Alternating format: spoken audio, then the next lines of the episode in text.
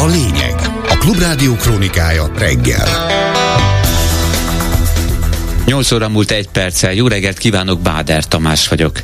A jemeni húszi lázadók állásait bombázta a brit és az amerikai légierő. Katonai létesítmények ellenhajtottak végre célzott csapásokat, jelentette be hajnalban a londoni miniszterelnöki hivatal. Rishi Sunak kormányfő a Downing Street által ismertetett nyilatkozatában korlátozott szükséges és arányos önvédelmi akciónak nevezte az Egyesült Államokkal együtt indított katonai műveletet. A fellépést az indokolta, hogy az Irán által támogatott húszik az utóbbi hónapokban támadások sorát követték el a vörös tengeri kereskedelmi hajózás ellen, ami komoly fennakadást okozott a kulcsfontosságú kereskedelmi útvonal forgalmában, és ez felhajtotta a nyersanyagárakat. A tájékoztatás szerint a közös brit-amerikai akcióhoz Hollandia, Kanada és Bahrein nem műveleti jellegű támogatást nyújtott.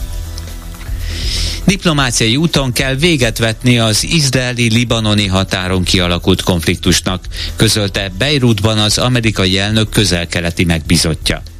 A Hezbollah azt állítja, nem akar eszkalációt, de nem hagy válasz nélkül semmilyen izraeli agressziót, mint fogalmaztak Libanon ellen.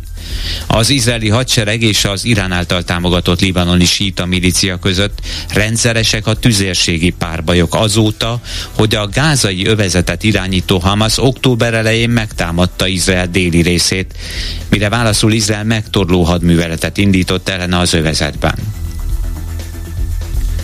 Ártatlannak vallotta magát az adócsalással vádolt Hunter Biden a Los Angeles-i Szövetségi Bíróságon. Joe Biden amerikai elnök fia ellen decemberben amiatt emeltek vádat, mert a 2016-2019-es pénzügyi időszakban nem fizetett be 1,4 millió dollárt. Az 53 éves üzletember, aki állítása szerint leküzdötte a kábítószer és alkoholfüggőségét, az újraválasztásért indulni kívánó édesapja republikánus ellenfeleinek kiemelt célpontja. Az igazságszolgáltatás azzal vádolja, hogy adófizetés helyett milliókat költött extravagáns életmódjára. Hunter Biden ügyvédje jelezte, Védence befizette az adóhátralékot, és a vezeték neve miatt folyik ellene üldözés. Az elnök fia korábban ártatlannak vallotta magát a Delaware államban illegális fegyvertartás miatt ellene folyó eljárásban is.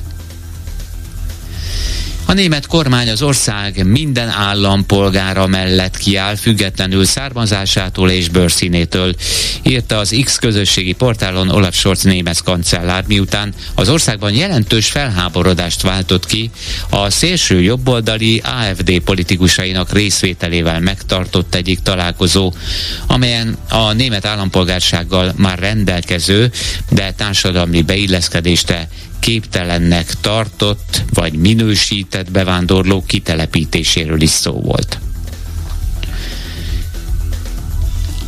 A harmadik országból érkezők munkájára, főleg az akugyárak tömeges építése miatt jelenleg szükség van a tilalmat, amit a Demokratikus Koalíció javasol, a Klubrádió által megkérdezett szakszervezeti vezetők idehaza nem tartják jó ötletnek. További részletek Gárdai László összeállításában megtiltaná az Európai Unión kívülről érkező munkások foglalkoztatását a Demokratikus Koalíció.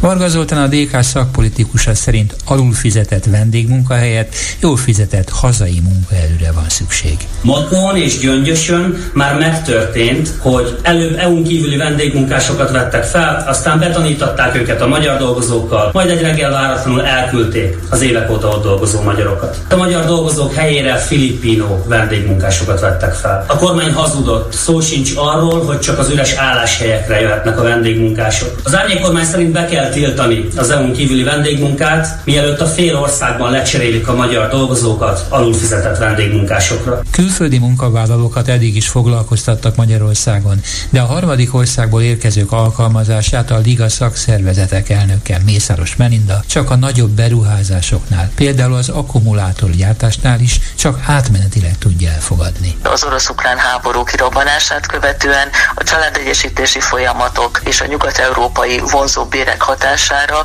nagy létszámban kerültek ki a magyar munkaerőpiacról a korábban egyébként itt foglalkoztatott ukrán munkavállalók is.